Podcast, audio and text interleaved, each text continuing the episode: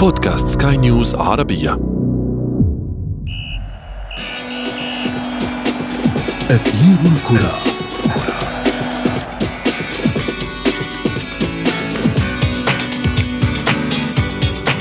في عقد من الزمن كل شيء تغير في كرة القدم حتى هيبة بعض الأندية الكبيرة لم يعد لها معالم مخيفة كما في السابق. وهو ما يسبب غصة في حلق جماهيرها عندما تتذكر أمجاد الماضي وتتحسر عليها في ظل واقع مرير ونتائج مخيبة تاه بسببها تاريخ هذه الأندية لتتوسط الجدول رافضة العودة إلى القمة مجدداً. ونحن في أثير الكرة نتعرف على هذه الفرق بتاريخها الكبير وحاضرها المؤرق.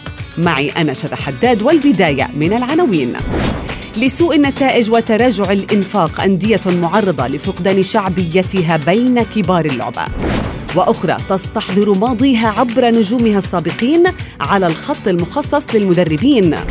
وفي فقرة ما لا تعرفونه عن كرة القدم نعود بكم إلى عام 2007 عندما ضارب دورتموند جاره شالكي في المقتل وأفقده لقب البوندسليغا لعداوة تاريخية.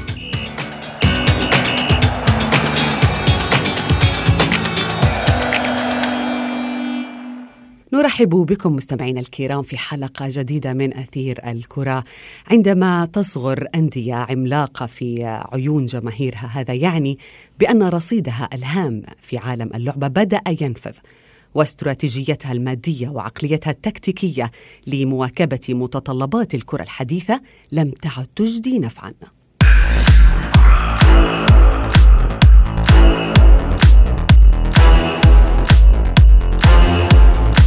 هناك أندية عديدة مستمعينا الكرام اختفى سحرها في العقد الأخير من الزمن لأسباب عديدة وكثيرة ولكن قبل أن نحلل هذه الأسباب دعونا بداية نتعرف على أبرز هذه الأندية التي تمتلك قاعدة جماهيرية كبيرة ولكن رغم ذلك غابت هذه الأندية عن منصات التتويج وبالتالي غاب بريقها.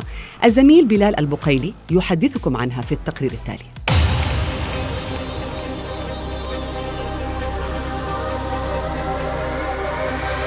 في السنوات العشر الأخيرة تعرض العديد من الأندية الكبيرة لتقلبات كثيرة ارتفعت فيها طموحات البعض فزادت عائداتها. بينما انخفضت طموحات أخرى بشكل واضح لتتراجع قدرتها على الإنفاق وبالتالي تبدأ شعبيتها بين الأجيال الجديدة بالتلاشي شيئا فشيئا. فإذا كنت من عشاق أي سي ميلان فأنت بالتأكيد تترحم على أيام الزمن الذهبي للفريق الإيطالي المتوج بسبعة ألقاب على مستوى أوروبا وثماني عشرة بطولة من الدور المحلي وغيرها من المنصات التي يصعب محو ذكرياتها. لكن ومنذ ظفر بالكأس ذات الأذنين آخر مرة عام 2007 غاب الروزونيري عن المنافسة وظهر شبحا في جميع النسخ التي تلتها حتى وصل به الحال إلى غيابه عنها تماما في النسخ الخمسة الماضية وهي البطولة التي كان يدب فيها رعبا في الثمانينات والتسعينات والعقد الأول من الألفية الحديثة. وإذا ما اتجهنا إلى إنجلترا فجماهير أرسنال تعيش على أطلال كرة القدم الجذابة والمثيرة التي كان يقدمها الفريق الإنجليزي في التسعينات. ال Gunners وبعد رحيل مدربه الفرنسي المحنك أرسن فينجر بدأ يسير بمنحنيات سيئة وغير مستقرة ومع قدوم نجم من الجيل الذهبي للفريق. وهو ميكيل أرتيتا ليقود الدفة من جديد قد يرى جماهير النادي اللندني بصيص أمل لعودة أرسنال إلى ما كان عليه من قبل. وفي عالم البوندسليغا تبدو الصورة مشابهة بالنسبة لجماهير بروسيا دورتموند الذي لا يتعدى طموح إدارته لأكثر من البقاء على مقربة من المراكز الأولى دون الشعور بأي رغبة في تحقيق لقب الدوري. جماهير النادي الكبير لطالما عبرت عن غضبها وسخطها عاما بعد عام بسبب استمرار سياسة تفريط النادي العريق بنجومه وبيعه خدماته لمنافسه في ألمانيا بايرن ميونخ أو تصديرها إلى خارج حدود البوندسليغا. الشياطين الحمر وليالي مسرح الأحلام أولد ترافورد كل هذه مصطلحات غابت بالفعل عن واجهة كرة القدم الأوروبية. فاليونايتد فقد كثيرا من هيبته التي تعب وسهر لأجلها السير أليكس فيرغسون الليالي لترى النور في إنجلترا. ورغم أن المدرب النرويجي أولي سولشاير بدأ في الموسم الماضي بشكل قوي لكن عشاقه لا يثقون بقدرته على تكوين التشكيلة التي يمكن فعلا الرهان عليها على الفوز بالبطولات. وفي أسبانيا يجد فالنسيا صعوبة بالغة في إيجاد هويته التي فقدها منذ عقدين من الزمن وسط منافسة شرسة من ريال مدريد وبرشلونة وأتلتيكو مدريد على الألقاب المحلية. النادي الأندلسي ابتعد عن أمجاده بسبب بيعه المتواصل لجواهره وقيامه كل فترة ببداية مشروع جديد دون وجود ملامح واضحة للعودة للمنافسة. أثير الكرة. فاصل قصير مستمعينا الكرام نواصل بعده أثير الكرة. ابقوا معنا. أثير الكرة.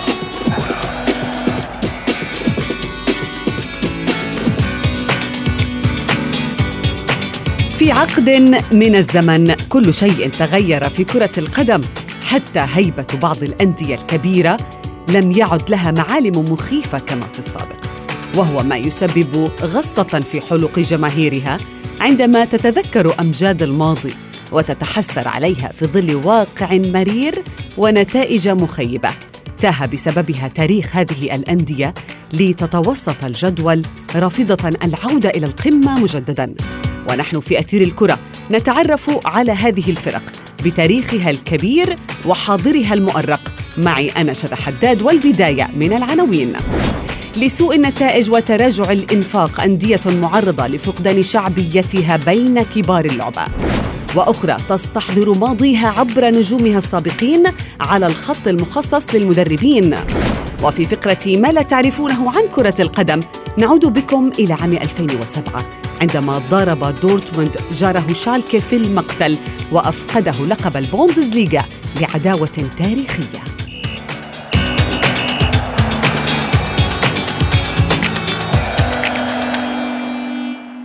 نرحب بكم مستمعينا الكرام في حلقة جديدة من أثير الكرة. عندما تصغر أندية عملاقة في عيون جماهيرها هذا يعني بأن رصيدها الهام في عالم اللعبة بدأ ينفذ واستراتيجيتها المادية وعقليتها التكتيكية لمواكبة متطلبات الكرة الحديثة لم تعد تجدي نفعا.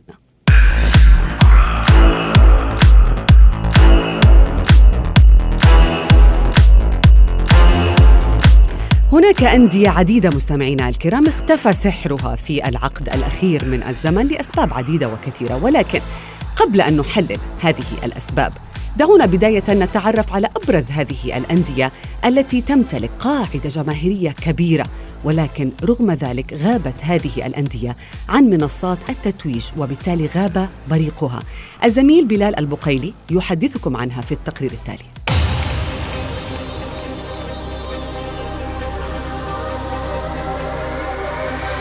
في السنوات العشر الأخيرة تعرض العديد من الأندية الكبيرة لتقلبات كثيرة ارتفعت فيها طموحات البعض فزادت عائداتها بينما انخفضت طموحات أخرى بشكل واضح لتتراجع قدرتها على الإنفاق وبالتالي تبدأ شعبيتها بين الأجيال الجديدة بالتلاشي شيئا فشيئا.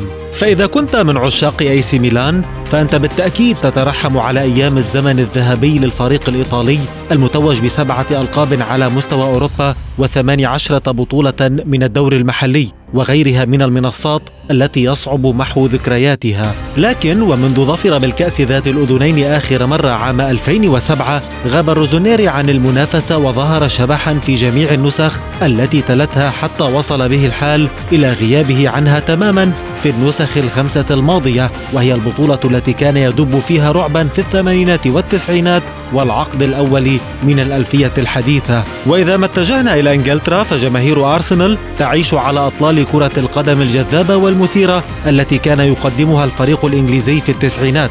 ال Gunners وبعد رحيل مدربه الفرنسي المحنك أرسن فينجر بدأ يسير بمنحنيات سيئة وغير مستقرة ومع قدوم نجم من الجيل الذهبي للفريق.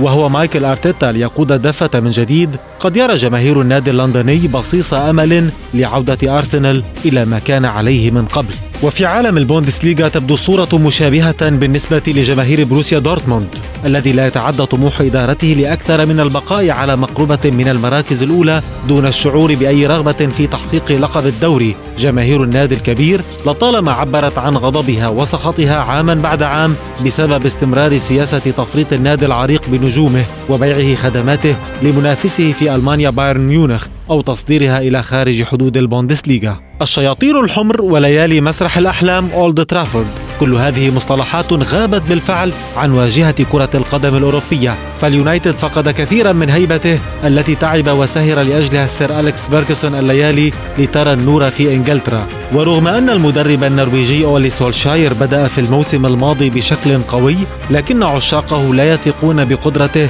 على تكوين التشكيلة التي يمكن فعلا الرهان عليها على الفوز بالبطولات. وفي أسبانيا يجد فالنسيا صعوبة بالغة في ايجاد هويته التي فقدها منذ عقدين من الزمن وسط منافسة شرسة من ريال مدريد وبرشلونة وأتلتيكو مدريد على الألقاب المحلية. النادي الأندلسي ابتعد عن أمجاده بسبب بيعه المتواصل لجواهره وقيامه كل فترة ببداية مشروع جديد دون وجود ملامح واضحة للعودة للمنافسة. أثير الكرة